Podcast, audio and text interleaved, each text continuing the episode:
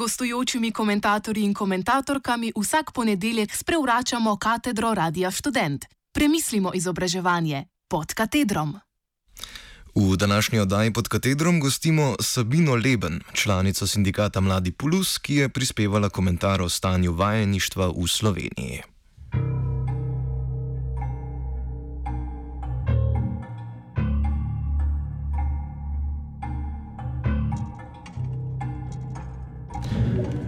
Okviru projekta o kakovostnih okvirih vajeništva in pripravništva v Sloveniji, ki ga financira Erasmus, smo na sindikatu Mladi Plus od oktobra 2018 do maja 2019 izvajali posvetovanja z vajenci in dijaki.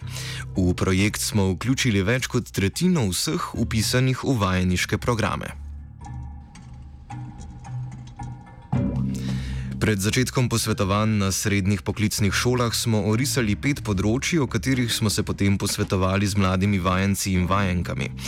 Preverili smo zadovoljstvo vajencev in vajenk z novim programom vajeništva in poiskali vzroke za majhen interes za upis. Zanimalo nas je, ali se delodajalci držijo obvez v vajeniški pogodbi in ali vajenci in vajenke poznajo svoje pravice pri delodajalcu v času vajeništva.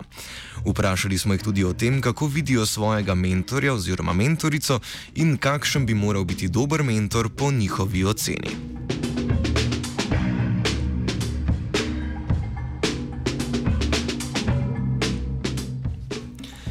V letošnjem šolskem letu je bilo vseh upisanih vajenk in vajencev 122. Posvetovanja o kakovostnih pripravniških mestih smo izvedli na šestih šolah, opravili smo pogovore z 39 vajenkami in vajenci iz obeh letnikov, kar predstavlja 32 odstotkov ali tretjino vseh upisanih. Razloge za slab upis v vajeniške programe smo iskali z 61 dijaki in dijakinjami, ki pouk obiskujejo v šolski obliki.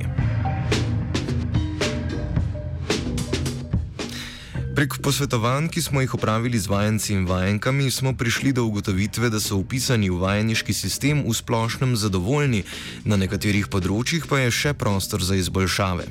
Najbolj problematični področji sta nizka stopnja zanimanja za programe in poznavanje vajeniških pravic po vajeniški pogodbi. Nizka stopnja upisa je razlog slabe promocije programov in že nekaj let trajajoče splošne paradigme, da naj se mladostniki po zaključku osnovne šole upišajo v gimnazijski program.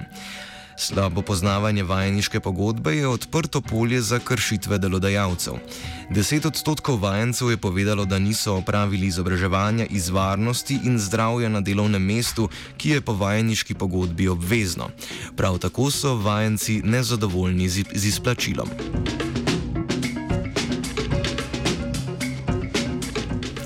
Nekaj nezadovoljstva se pokaže z mentorstvom.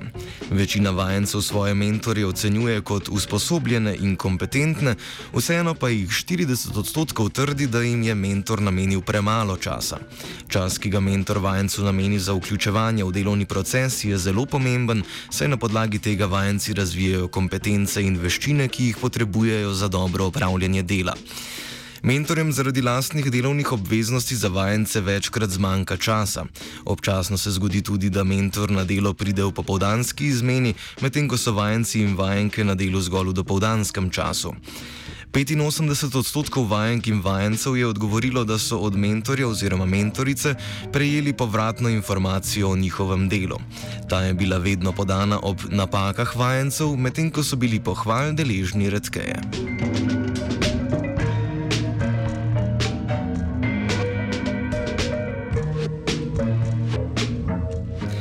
Prek posvetovanj in intervjujev smo ugotovili še, da vajenci in vajenke brez večjih težav usklajujejo obveznosti v šoli in pri delodajalcu.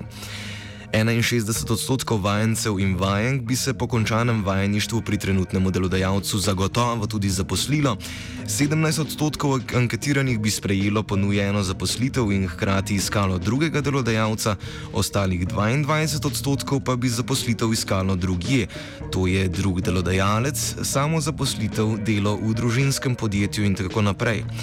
Vsi vajenci so mnenja, da bodo po koncu šolanja zaradi vajeniških izkušenj lažje in hitreje dobili ponudili zaposlitev. To dokazuje, da so zadovoljni z vajeniškim sistemom in da so eden glavnih razlogov za njihov upis ravno izkušnje in kompetence, ki jih pridobijo pri delodajalcu.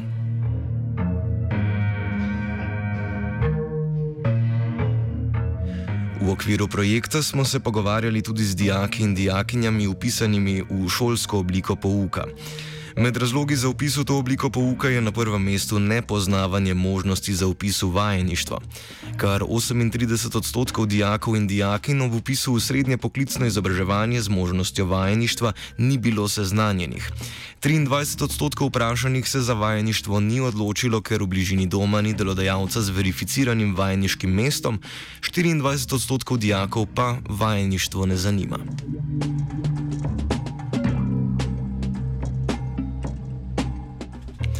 Na podlagi posvetovanj, anket in intervjujev, ki smo jih opravili z vajenci in dijaki, bomo na sindikatu Mladi Plus pripravili ukrepe za izboljšanje sistema.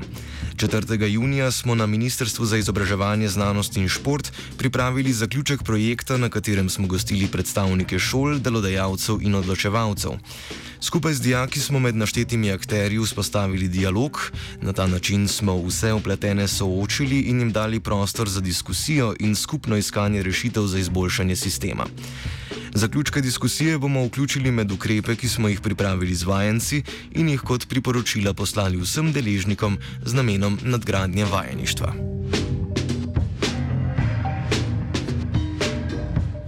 Komentar je prispevala Sabina Leben, članica sindikata Mladi Plus.